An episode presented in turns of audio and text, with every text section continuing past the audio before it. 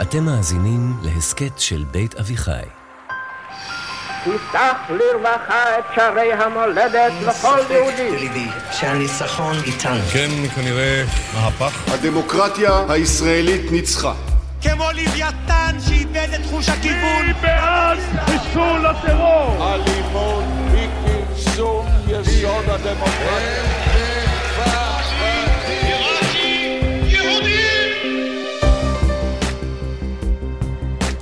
שלום, אני אפרת שפירא רוזנברג, ואתן מאזינות ומאזינים לפרק נוסף של מפלגת המחשבות, בו דוקטור מיכה גודמן חושף בפנינו את הרעיונות העמוקים שמאחורי הפוליטיקה הישראלית. בפרק הקודם התחלנו את ההיכרות עם התפיסות שכוננו את הציונות הדתית בתחילת דרכה, בעיקר אלה של הרב יצחק יעקב ריינס. אבל הרעיונות הריינסים לא היו כריזמטיים מספיק כדי לגרום לציונות הדתית לתפוס את עמדת הקטר ולהוביל אותה לעמדת ההנהגה שבה היא מתיימרת להיות בשנים האחרונות. למעבר הזה אחראי הרב אברהם יצחק הכהן קוק, הרב הראשי הראשון לארץ ישראל. בפרק של היום נצלול להגות המהפכנית והחדשנית של הרב קוק, וננסה להבין איך היא זו שסללה את הדרך למהפך הגדול של הציונות הדתית. שלום מיכה. שלום אפרת. בפרק הקודם התחלנו לדבר על הציונות הדתית ועל השינויים הדרמטיים שקרו ברעיונות שעומדים מאחוריה. ושרטטת לנו את הציונות הדתית של הרב ריינס, המייסד אולי של הציונות הדתית הקלאסית, הראשונה, הסברת אותו כסוג של זברה, כן? שילוב של ציונות ודתית. שחור לבן, שחור לבן, אני גם ציוני וגם דתי, אל מול הרעיונות של הרב קוק, שדיברו על סוג אחר לגמרי של סינתזה, שהשחור והלבן שבה מייצרים אפור, מאוד לא אפור, כן? מאוד כריזמטי, מאוד מאוד דרמטי. והסברת איך השינוי הזה ייצר מהפך מרגשי נחיתות כפולים, בסופו של דבר לרגשי עליונות כפולים. אבל האמת היא שאנחנו לא התעמקנו באמת בעומק של הרעיונות של הרב קוק, וצריך להגיד את האמת, גם עכשיו אנחנו לא נתעמק בעומק של העומק, בגלל שהרב קוק זה באמת... עולם ומלואו, זה כן. קשה להגזים עד כמה זה עמוק ומורכב. ומפתיע ומרובה סתירות שצריך לפתור אותן. כן, כמו הרבה אנשים גדולים, אני כן. חושבת שאחד המאפיינים של אנשים גדולים זה שיש בתוכם סתירות, גם בתוך הכתבים שלהם, גם בתוך האישיות שלהם, גם בתוך הביוגרפיה שלהם. אנשים עם סתירות הם, הם אנשים גדולים. אבל אנחנו כן ננסה לדבר, להקדיש את הפרק הזה של השיחה שלנו לרב קוק עצמו, הרב אברהם יצחק הכהן קוק, כי קשה להפריז בעוצמת ההשפעה שהייתה לרעיונות האלה על הציונות הדתית, ומתוקף זה על החברה הישראלית היום. אז את המסע שלנו לרב קוק אני רוצה להתחיל במקום שאותי הוא מפתיע, זה מחשבות שהן חדשות לי מהשנה האחרונה, בהשפעת ספרו של יהודה מירסקי על הרב קוק. אמ, אני רוצה להתחיל בבעל שם טוב. אוקיי. Okay. אוקיי. Okay. בעל שם טוב מאמצע המאה ה-18, נפטר ב-1760. והבעל שם טוב הביא לעולם בשורה, בשורה בעבודת האל, בעבודת השם, וגם בשורה תיאולוגית, שגרשום שולם, עמנואל אטקס, משה רוסמן, אנשים שכתבו על הרב, על הבעל שם טוב, אם אני אנסה לעשות לכולם עוול, לזקק משם את התיאולוגיה של הבעל שם טוב, זה דבר הבא. שפינוזה אמר שאלוהים זהה עם העולם. דאוס סיבה נטורה, האל או הטבע, זה אותו דבר, הם סינונימים, אלוהים זהה עם הטבע.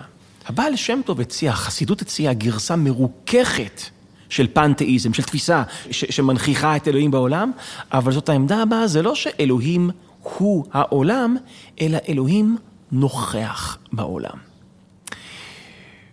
וזאת משימה דתית של אדם לחפש את הנוכחות של אלוהים בעולם. בתוך העולם עצמו. ממש, בטבע, ביום-יום. באדם ב... שאתה פוגש, כן. במוזיקה שאתה שומע, באוכל שאתה אוכל. ושימי לב, פתאום יש כאן מעין מצווה חדשה, שבחסידות קוראים לה עבודה בגשמיות. שזה התפקיד שלי כשאני אוכל, לחפש באכילה, בטעם, את הניצוץ האלוהי. אתה במפגש מעניין עם בן אדם, אומר מרטין בובר, מה שחסיד מנסה לעשות, זה למצוא באדם את החלק האלוהי שבו. זאת אומרת, מה זה חסידות? על פי הגישה הזאת, זה לענוד משקפיים שמחפשות את האלוהות שבתוך המציאות. זה פירוש לקבלת הארי, לא ניכנס לזה, אבל זה העלאת ניצוצות. לחפש את ניצוצות האלוהות שבתוך כל המציאות. שזה ממש אה, מהפכה בתפיסה דתית, ש... תפיסות דתיות בכלל, שתמיד ראו בגוף ובחומר ובגשמיות אה, משהו נמוך. לא שווה, לא דתי, שבגרסאות הכי גבוהות שלך אתה צריך להתנתק מהם. נכון. ולהתעלות. זה, נכון. זו נקודה מאוד מעניינת. במסורת היהודית, איך קוראים לאדם סגפן שמתנתק מהעולם? חסיד. חסיד. זה חסיד. בעצם מה זה החסידות? זה, סליחה על המילה הטעונה עכשיו, רפורמה במה זה חסידות. הייתי אומרת בביטוי אחר, שהוא גם לא פחות אה, מקפיץ, זה ניכוס.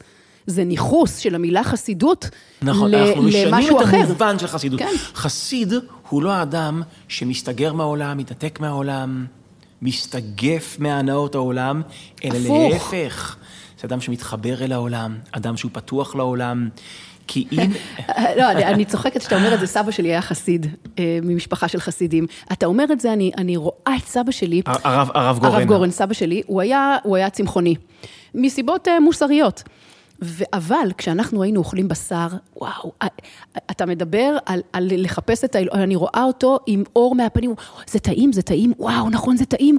אה, אה, כלומר, הוא ממש כן. היה נהנה מכל ענייני העולם הזה, הוא שמח בהם, וזה זה ממש, התחלת תפיסה כמעט- חסידית. התחלת כמעט לצטט פסוק, בכל דרכיך נכון, דאהו, נכון. שזה המוטו של החסידים בראשית דרכם.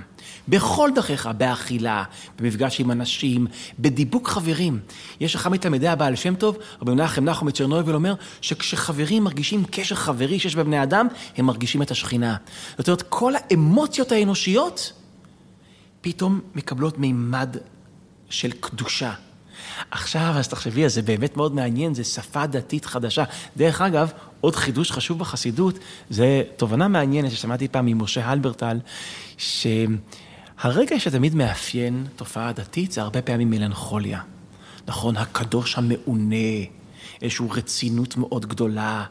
אבא שלי פעם לימד אותי שכשאנחנו חושבים את החזן ביום כיפור עושה חזנות, זה נשמע טיפה כמו שהוא בוכה, כי בכי זה, יש בבכי, בעצבות, במלנכוליה, איזשהו סנטימנט דתי עמוק, בא בעל שם טוב אומר, הרגש עם המשמעות הדתית הכי עמוקה, שמחה. זה שמחה. כן. כי אם אלוהים נמצא בעולם, הריאקציה הרגשית היחידה שהיא באמת דתית, זה שמחה. אני מגיב לנוכחות של אלוהים בעולם באופן חיובי. עכשיו שימי לב שאורתודוקסיה וחסידות זה תרתי דה סתרי. כן. נכון? אם השפת גוף, אם האינטואיציה האורתודוקסית זה לפחד מהעולם, להסתגר ממנו, והאינטואיציה החסידית זה אלוהים בעולם, אז אני מחפש אותו בעולם, אני מאשר את העולם. מה עושים עם הלכאורה הפרדוקס של חסידים חרדים? ורק להחריף את זה, הגרסאות הכי שמרניות של העולם החרדי מגיעות מהחסידויות. מהחסידויות. אז איך זה קרה? אוקיי, זאת שאלה בעיניי מדהימה בתולדות הרעיונות. מה קורה כשיש מעין תאונת דרכים? התנגשות בין שתי רעיונות שונים, בין שתי אינטואיציות שונות. והחסידות נהייתה חרדית, עכשיו זה עולם ומלואו, אנחנו לא ניכנס לשם עכשיו, זה קורה ככה 50 שנה אחרי לידת החסידות, קצת אחר כך, שפתאום החסידות שמזהה את אלוהים מהעולם, באשר היא חסידית, צריכה להסתגר מהעולם, כדי להגן על עצמה. אורתודוקסית. כן. איך עושים את זה? אם החסידים, הבעל שם טוב ותלמידיו, חיפשו את אלוהים בבשר שסבא שלך אכל, בטעם של האכילה, בבשר שסבא שלי לא אכל. בבשר שסבא שלך אכל, במוזיקה, בחוויות נפשיות מסוימות שיש שמתבודדים ביערות, רבי נחמן. בדיבוק חברים, רבי מנחם נחום מצ'רנוביל, מחפשים את אלוהים בתחושות אנושיות, בחוויות אנושיות, בסיפורים ששומעים, במוזיקה ששומעים. הרב קוק לקח את כל זה, לדעתי, לשלב הבא והמתבקש. אם אלוהים נמצא בכל מקום, זה אומר שיש ניצוץ של אלוהים בכל אידיאולוגיה אנושית. זאת אומרת, לא רק בתוך חפצים, או בתוך הטבע, או בתוך זה, אלא בתוך רעיונות. נכון. והרב קוק בא ואומר, בכל רעיון יש ניצוץ אלוהי. זאת אומרת, לדעתי, מה שהוא עושה, כשהוא אומר, יש ניצוץ אלוהי בסוציאליזם. יש ניצוץ אלוהי ברעיון של צמחונות. כשהוא מתחיל, אם הבעל שם טוב בא, חיפש את אלוהים בתוך העולם החומרי, הרב קוק לוקח אותו צעד אחד קדימה ומחפש את אלוהים בתוך כל שוק הרעיונות, בתוך כל המרחב הרוחני. אז זו הקריאה שלי של הרב קוק, לעשות את הפעולה של העלאת ניצוצות, של לחפש את אלוהים בעולם, בתוך הזירה האידיאולוגית. אולטרה חסידות. אולטרה חסידות. והרב קוק מגיע לשיא שלו במהלך הזה, שהוא מחפש את הניצוצות של אלוהים... בכפירה. בכפירה. בכפירה, באתאיזם, בעולם ששולל את אלוהים, שם אליבא דרב קוק, יש אלוהים. רוב הרבנים, מה הם עושים? הם עסוקים בלהסביר למה כל האידיאולוגיות שגויות. הרב קוק עוסק בתור חסיד, נקרא לו חסיד... חסיד רעיוני. חסיד רעיוני, כן. הוא שואל, מה בכל האידיאולוגיות הוא אמת? מה בכל אידיאולוגיה הוא נכון? זה כל כך מנוגד לכל אינטואיציה שאנחנו מכירים, וגם, אה, אנחנו, אתה יודע, אנחנו מדברים פה על רעיונות בעולם הפוליטיקה, זה כל כך מנוגד לעולם הפוליטיקה, שבו כל, כל קבוצה, כל מפלגה, כל תנועה פוליטית מנסה רק לשכנע למה האמת אצלה ולמה כל האחרים טועים. נכון, ואגב, אני, טוב, אני אעשה כאן משהו שאנחנו לא נוהגים לעשות כאן, אני אהיה טיפה שיפוטי. אבל uh, היום הפוליטיקאים שמייצ... לא, אתה לא נוהג לעשות, אני שיפוטי כן. חופשי. לא, לא, היום, לא, אני, יש לי הערכה, אבל היום הנציגות הפוליטית שמייצגת את הרב קוק, היא... היא הכי שיפוטית. היא מאוד, היא עוסקת בלמה כולם טועים, כשהרב קוק היה הבעל שם טוב... של הרעיונות. של הרעיונות. אבל באופן ספציפי, את הציונות הוא צריך לפרש, בגלל שהוא הרי טוען שהציונות היא תנועה משיחית. היא מגשימה את התוכנית האלוהית הגדולה, תוכנית הגאולה הגדולה. אבל יש בעיה. זה לא עובד. למה זה לא עובד? אם אני אתן ככה על רגל אחת איך נביאי ישראל, מספר דברים, וזה חוצה הרבה נביאים, חזות הגאולה העתידית, אפשר לנסח את זה באמצעות המילה תשובה, או שיבה. כשבתנ"ך, בספר דברים למשל, המילה תשובה מופיעה בשתי הקשרים שונים. הקשר אחד גיאוגרפי, והקשר שני ספיריטואלי. יש תשובה במובן של לשוב לארץ ישראל. תשובה גיאוגרפית. עם ישראל יום יבוא עתיד לשוב לארץ ישראל. אבל יש עוד מובן לתשובה, שזה... תשובה רוחנית. נכון. ושבת עד השם אלוהיך. לחזור בתשובה במובן שאנחנו מכירים. כן, ושמעת בקולו, שובו בנים שובבים ערפה משובותיכם. זאת אומרת, יש כאן, כתבי הקודש מלאים בתשובה, גם במובן של שיבה לארץ ישראל, וגם במובן של שיבה לאלוהי ישראל. גיאוגרפי וספיריטואלי. אז זאת התוכנית הגדולה, אפרת. יהודים לאורך כל השנים מחכים לתשובה הכפולה והיא תבוא ביחד. אנחנו נשוב לארץ ישראל ונשוב לאלוהי ישראל במסגרת אותן מאורעות גדולים וגואלים. זאת התוכנית. כן. זאת התוכנית לגאולה. לגאולה. ואז פתאום מופיע עיתונאי, כן, תיאודור הרצל, ומבשר את תחילת התנועה של עם ישראל, חזרה לארץ ישראל. אבל בלי לשוב לאלוהי ישראל. תוך כדי מרידה וכפירה באלוהי ישראל. מי הם החלוצים? מי הם מייצרי, חלוצי דגניה ועין חרוד ונהלל ובית השיטה וכל זה? אנשים שהיה להם אידיאולוגיה אתאיסטית, חלקם, לא כולם. כן. ומרד אקטיבי. ומרד אקטיבי. אז אלו ששבים לארץ ישראל, הם לא אלו ששבים לאלוהי ישראל, אלו שמורדים באלוהי ישראל. עכשיו, מה קורה כשהתחזית מתגשמת, אבל התחזית יש לה שתי חלקים, חלק אחד מתממש וחלק שני מתפרק. התשובה הגיאוגרפית קורית והתשובה הספירטואלית מתרחקת. כן. מה עושים כאן? אז איך אה, נניח רבנים חרדים, כמו הרב דיסקין, שהיה בזמנו של הרב קוק, הוא אמר, אוקיי, מה זה מוכיח? שזה לא, שזה, שזה לא הגאולה. שזה לא הגאולה. כן. אם זה לא קורה... ביחד. אז זה לא הגאולה. כן. מישהו היה יכול להגיד, כמעה כמעה. אה, שלב, לחלק את זה לשלבים, נכון היה אפשר להגיד, השיבה הגיאוגרפית יש שלב א', שיבה ספיריטואלית יש שלב ב', לא הרב קוק. לא, אבל כן, חלק גדול מהציונות הדתית זה בדיוק מה שהיא אמרה. נכון, אבל לא הרב. כמעה כמעה. נכון. כמעה כמעה. נכון, זה, אני נכון. זוכר את הביטוי נכון, הזה. נכון, כך גאולתם של ישראל. כך גאולתם של ישראל. כמעה כמעה. כן, לאט לא לאט. משיח בן דוד, משיח בן יוסף. נכון. הרב קוק יש לו מהלך שכדי להבין אותו, הוא יותר רדיקלי מזה. הרב קוק סבור שהחילון הוא עצמו תחילת מימוש השיבה הספיריטואלית. החילון הוא, אמרנו, יש פשט ויש סוד, בניגלה, בפשט, החילון זה מרידה באלוהים. אבל ברובד הנסתר, החילון הוא תחילת השיבה לאלוהים. אוקיי, איך זה עובד? אוקיי, אז תראי, קודם כל, כל מי שאי פעם, אני מניח שהיום לא עושים את זה הרבה, עשה פסיכואנליזה. ישב ארבע פעמים בשבוע, שכב על ספה, ומאחוריו פסיכולוג או פסיכולוגית, חולק את ה... ומספר את סיפור חייו שוב ושוב ושוב ושוב. יכול להיות, לא תמיד, אבל יכול להיות שיום אחד הפסיכואנליטיקאי או הפסיכואנליטיקאית שלו תגיד לו, תראה, זה יהיה משפט כזה, סליחה שאני עושה פרודיה לכל המטפלים שעכשיו מאזינים לנו, כן. אמ, אותו דבר שאתה מאוד מאוד נרתע ממנו, ואתה כל כך נרתע ממנו שזה משתק אותך, בלא מודע, אתה? זה מה שאתה. אתה מאוד, כן, אתה מאוד נמשך לזה, נכון? כן. זה כמעט קלישאה, נכון? שאותו דבר שמאוד מאוד מרתיע אותך, בתת מודע אתה מאוד נמשך, ולמה זה מרתיע אותך?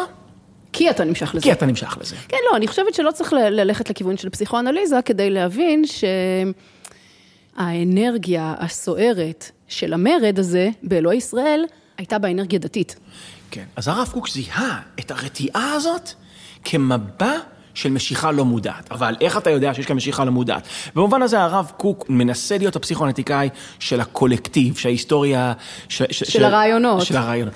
ועכשיו הוא בא ואומר דבר, עכשיו, יש לו כמה מהלכים, אני אציג לפניך שתיים מהם. הראשון זה האסימטריה שבין אלוהים לבין הלכה. אני אסביר. אלוהים הוא אינסופי, נכון? ללא מגבלות, ללא גדרות. אין גדר שמקיפה את אלוהים, ולכן אי אפשר להגדיר את אלוהים, ולכן אלוהים הוא מעל מילים, מעל השפה. הרב קוק אימץ את הרעיון הזה, שאלוהים הוא גדול ממילים, אפשר, אלוהים הוא אינסופי. מה זה ההלכה לעומת זאת? זה רק גדרות, זה בעיקר זה גדרות. אה, אסור לך, מותר לך ללכת רק מפה לשם בשבת. נכון. כל הזמן גדרות, כל הזמן מגבלות. זאת אומרת, שימי לב שההלכה היא היפוכה של אלוהים. אלוהים הוא ללא גבולות, וההלכה זה ממלכת המגבלות, הגבולות, ההגדרות. כזית וכביצה. כן. אז עכשיו, נניח שלי יש תשוקת אלוהים אדירת מימדים. אנשים שמחפשים תשוקת אלוהים, או מה שחוקרי דעת מכנים חוויה אוקיינית. אה, להתמזג, להתמזג. להתמזג עם אלוהים. להיות חלק מאלוהים. הם חייבים להתנתק מההלכה. אני מאחור, עכשיו אומר הרב קוק, פה יש תיאור מדהים. הוא טוען שהאנרכיזם של החלוצים. שנאת הפרטים, הוא קורא לזה, שהם שונאים את החוק, שהם שונאים את ההלכה, זה לא נובע מזה שהם שונאים את אלוהים, זה נובע מזה שהם משתוקקים לאלוהים. הם משתוקקים להתמזג עם אלוהים. התשוקה שלהם אל האין סוף באה לידי ביטוי בכך שהם משילים מעצמם את כל הגדרות, את כל המגבלות, את כל הגבולות של ההלכה. האנרכיזם הוא קדוש. האנרכיזם, על פי הפשט שלו, זה שנאה של ההלכה. על פי הסוד שלו, זה התשוקה לאלוהים. אגב, יש מי שיכול להגיד שהעמדה הזו שמזהה את התשוקה הדתית הנסתרת בתוך האנרכיזם הגלוי, שזה פטרנליזם. נכון, זה נשמע ככה. אני יודע יותר טוב מכם מה אתם רוצים. נכון. אפשר להעביר את הביקורת, הביקורת הזאת, הוא עברה הרבה על הרב קוק, אבל כרגע אנחנו רוצים רק לא לשפוט אותו, אלא גם להבין איך הוא עושה את הפעולה הבעל שם טובית. בדיוק, זה נראה לי יותר מעניין במובן של המתודה שלו. לאתר את הניצוץ האלוהי שבתוך שוללי אלוהים. אז זה מהלך אחד. האסימטריה שבין ההלכה לבין אלוהים, אומר שמישהו רוצה להתקרב לאלוהים, חייב להשיל לעצמו את הגבולות של ההלכה. אוקיי. מהלך אחר שיש בו, שהוא טיפ-טיפה יותר מורכב, אבל הוא יותר חשוב עבור המשך ההיסטוריה, זה הדבר הבא. על פי המסורת הקבלית, האור של האלוהים האינסופי לבש כמה מצבי צבירה, כשהם טיפה יותר קונקרטיים, טיפה יותר קרובים למציאות. למצבי צבירה האלה של האור האינסופי האלוהי קוראים ספירות. אוקיי? בואו ניקח בחשבון שאני לא מסביר את זה טוב עכשיו, וגם מקובלים אומרים שלא צריך להבין את זה באופן מילולי, תמיד מוסיפים את המילה כביכול, זה לא באמת, אבל כביכול האור האינסופי של אלוהים הוא לובש כמה לבושים, מופיע בכמה מצבי צבירה שונים, למצבי צבירה האלה בשפה הקבלית העתיקה קוראים ספירות, או ספירות בלימה, עשר ספירות. אחת מהספירות הללו, היא הספירה הכי תחתונה, מכונה ספירת מלכות, או שכינה. וצריך להבין, כל ספירה היא האור של אלוהים עצמו, רק במצב צבירה מאוד ספציפי, אוקיי? כן, כשאתה אומר מצב סבירה, אתה לא מתכוון לנוזל גז אה, נכון. מוצק, אתה מתכוון אין לי דימוי ל- יותר טוב, ללקחת- אמ, לתכונות שונות, או כן. לרעיונות, או למצבים... זה כאילו כל ספירה היא גילוי אחר של אותו האור האלוהי, אוקיי? כביכול, נדגיש כביכול. עכשיו, יש במסורת המיסטית היהודית, אחד הכינויים של ספירת מלכות, של הספירה התחתונה, זה כנסת ישראל. עכשיו, זה פשוט שם של הספירה, אבל כנסת ישראל זה גם הכינוי של עם ישראל. עם ישראל. קוק הוא לא הראשון שעשה את זה, אבל הוא הלך עם זה עד הסוף. יוצא מכאן שאם כנסת ישראל זה עם ישראל, וכנסת ישראל היא גם ספירה. היא ספירה, יוצא מכאן שיש משהו אלוהי בעם ישראל. מה אלוהי בעם ישראל? נשמת האומה. עם ישראל זה הרבה הרבה פרטים, אבל לא קולקטיב כולו, יש מעין אישיות בשל עצמו. יש רוח בשל עצמו, זה רעיון שהיה, זה רעיון שהיה רווח ברומנטיקה האירופאית במאה ה-19. הרוח הלאומיות הרוח ששטפה את אה, הלאומית, אירופה. נכון, וולק גייסט, הרוח של של הזמן. העם, כן. נכון, הרוח של העם. ומה שהוא עושה עם... יש נטייה אצל חלק מהחוקרים של הרב קוק להגיד, רוח האומה של הגל וכנסת ישראל של הקבלה, זה אותו רעיון בעצם. אחד הם. כן. אז בואי נחשוב על ציוני חילוני לאור זה. בואי נחשוב מה התודעה שלי בתור ציוני חילוני. בתור חילוני אני עוזב את אלוהים, עוזב את התורה, עוזב את המסורת, מורד באלוהים. בתור ציוני אני מתמסר לעם ישראל. מוכן להשקיע את כל האנרגיות שלי למען עם ישראל. להקריב את עצמי, להקריב את עצמי למען ללכת עם ישראל. לגור ב- ב-. בקיבוצים האלה, בקבוצות, בגלל זה. הוא כל כך הוקסם נכון. מההקרבה העצמית שלהם. עכשיו, בתודעה, בפשט, מה עשיתי? המרתי דת בלאומיות, רליגיוזיות בפטריוטיות. זו הפעולה שעשיתי בפשט. אומר הרב קוק, כשאתה עזבת את אלוהי ישראל והתמסרת לעם ישראל, מכיוון שנשמת האומה היא אלוהית, הפעולה הזאת לא הייתה נטישה של אלוהים, אלא היא עצמה שיבה לאלוהים. לא המרת שום דבר בשום דבר אחר, אלא אתה ממשיך על אותו וקטור. בוא נחשוב על זה ככה, נניח שאני חרדי, ואני לא משתתף בשום פרויקט קולקטיבי. אז אני על פי הפשט מציית לאלוהים, כי אני כל יום מקיים הלכה ולומד תורה. אבל על פי הסוד, אני לא מוסר את עצמי למען נשמת האומה. נשמת האומה שהיא אלוהית. אומר הרב קוק באחד מהמקומות, שהחלוצים החילונים, שמוסרים עצמם למען עם ישראל, ולכן באופן לא מודע למען אלוהי ישראל, הם יותר קרובים לאלוהים מאשר שלומי אמוני ישראל החרדים. אגב, זה בדיוק המשפטים האלה שגרמו לחרדים להחרים אותו.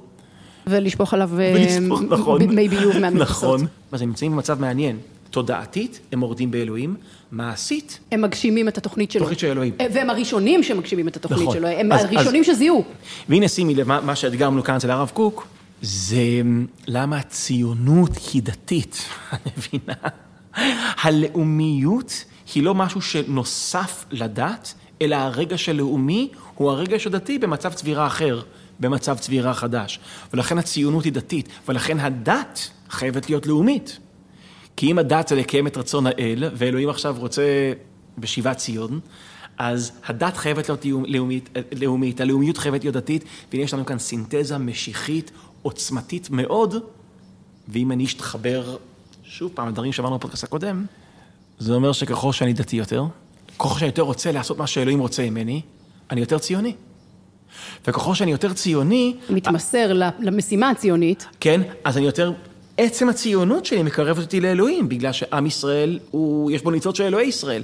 אז הפעולה הציונית היא פעולה דתית, הפעולה הדתית היא פעולה ציונית, יש כאן מיזוג פרידה מוחלטת מה, מהמידור, ומיזוג מוחלט, הלחמה מוחלטת של שתי הרעיונות הללו. ועל זה נאמר, זר לא יבין כמה הביטויים האלה של כנסת ישראל ונשמת האומה, וכל כל הדברים האלה שהסברת עכשיו, מתוך העומק של הרעיונות של הרב קוק, השפיעו על הציונות הדתית. על ילדים שפשוט הלכו לבני עקיבא בשנות ה-80 כן. ובשנות ה-90, ולמוסדות החינוך של הציונות הדתית. המעבר הזה הוא מעבר מרתק. כמו שאמרת בסוף הפרק הקודם, על הכוח של רעיונות. נכון, ושימי לב שמבין שתי, אני חלקתי איתך שתי רעיונות, נכון? איך אה, האנרכיזם הוא מבע של תשוקה דתית, מיסטית, ואיך הלאומיות היא מבע אחר של רליגיוזיות, נכון? מבין שתיהם אני מהמר... השני. קיבלתם את השני, נכון? נכון. את ה...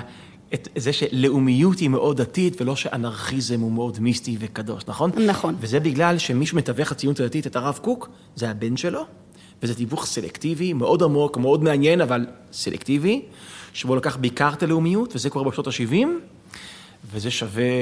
שווה שיחה נפרדת, שווה וזאת שיחה בדיוק נפרדת. השיחה שאנחנו נעשה בפרק הבא של הסדרה הזאת על הציונות הדתית, שאם בפרק הראשון דיברנו על הרב ריינס ועל המעבר מריינס לרב קוק, ובפרק של היום התעמקנו קצת ברב קוק, בפרק הבא אנחנו נדבר על המעבר או על הטרנספורמציה כזאת מהרב קוק האבא לרב קוק הבן, שמצד אחד הביאה את הרעיונות של הרב קוק האב אל קדמת הבמה של הציונות הדתית, אבל גם עשתה להם כל מיני שינויים, שאת התוצאות של חלקם אנחנו רואים היום בחברה.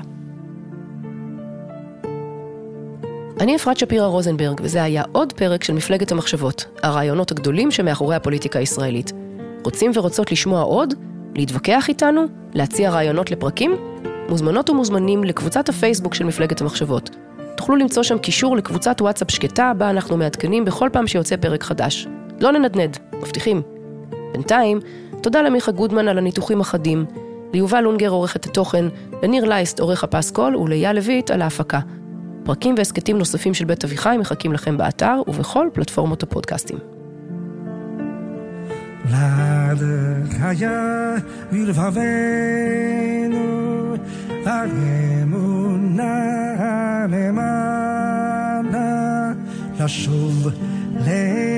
Lecz, lecz, chodeszewiejnu ir na Dawid Hana. Lata ja bile waweinu, a emu na wanemana. Lecz uwre, lecz, lecz, chodeszewiejnu ir